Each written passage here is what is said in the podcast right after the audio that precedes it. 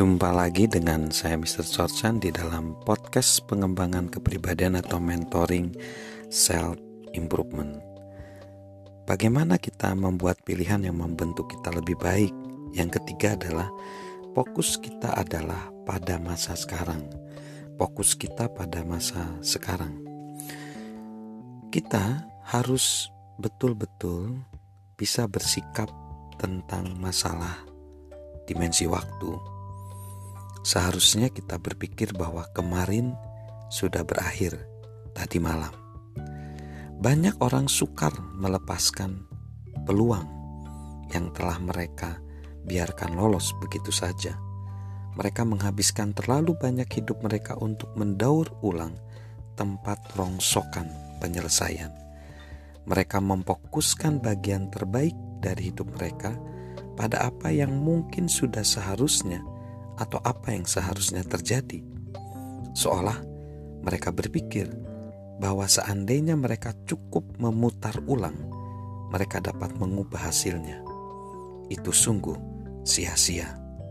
Satu-satunya hal yang dapat kita kendalikan adalah apa yang kita lakukan pada masa sekarang. Semakin banyak kita memutar ulang hari kemarin, semakin jauh kita dari peluang hari ini.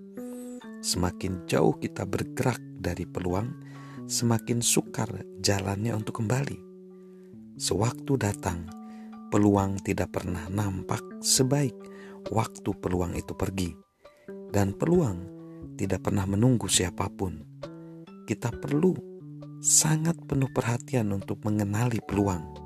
Kita harus berfokus pada kemampuan kita sekarang, bukan penyesalan masa lalu. Peluang mungkin datang dalam banyak bentuk dan mungkin datang dari arah mana saja. Tetapi satu hal yang pasti, peluang dapat dilihat dan ditangkap hanya pada masa sekarang.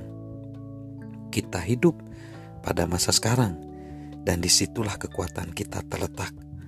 Apa pun yang telah terjadi dalam hidup yang kita sudah terjadi karena kita tidak dapat membatalkan masa lalu betapapun kerasnya kita mencoba. Hapus bersih lembaran yang lama dan lanjutkan ke lembaran yang baru. Ingatlah seperti kata pepatah, awal yang baru hanya dapat datang dari akhir yang lama. Pilihan yang kita buat benar-benar membentuk kita. Dengan setiap pilihan, kita berubah menjadi lebih baik atau lebih buruk. Barangkali kata-kata bijak yang perlu saya kemukakan ditulis oleh Portia Nelson dalam sebuah artikel berjudul Autobiografi dalam lima bab singkat. Bab satu, saya melangkah menyusuri jalan. Ada sebuah lubang yang dalam di trotoar. Saya jatuh di dalamnya saya tersesat, saya tidak berdaya. Itu bukan kesalahan saya. Perlu waktu selamanya untuk menemukan jalan keluar. Bab 2. Saya melangkah menyusuri jalan yang sama.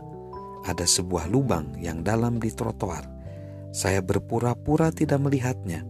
Saya jatuh lagi ke dalamnya. Saya tidak dapat percaya saya berada di tempat yang sama. Tetapi ini bukan kesalahan saya tetap perlu waktu yang lama untuk keluar. Bab 3. Saya melangkah menyusuri jalan yang sama. Ada sebuah lubang yang dalam di trotoar. Saya melihatnya di sana. Saya tetap jatuh ke dalamnya. Ini sebuah kebiasaan. Mata saya terbuka. Saya tahu di mana saya berada. Ini kesalahan saya. Saya segera keluar. Bab 4 saya melangkah menyusuri jalan yang sama. Ada sebuah lubang yang dalam di trotoar. Saya berjalan mengitarinya. Bab 5. Saya melangkah menyusuri jalan yang lain. Untuk menjadi pribadi yang sukses, untuk menjadi pemimpin yang sukses, kita perlu mengetahui apa yang kita pertahankan dan apa yang kita bela.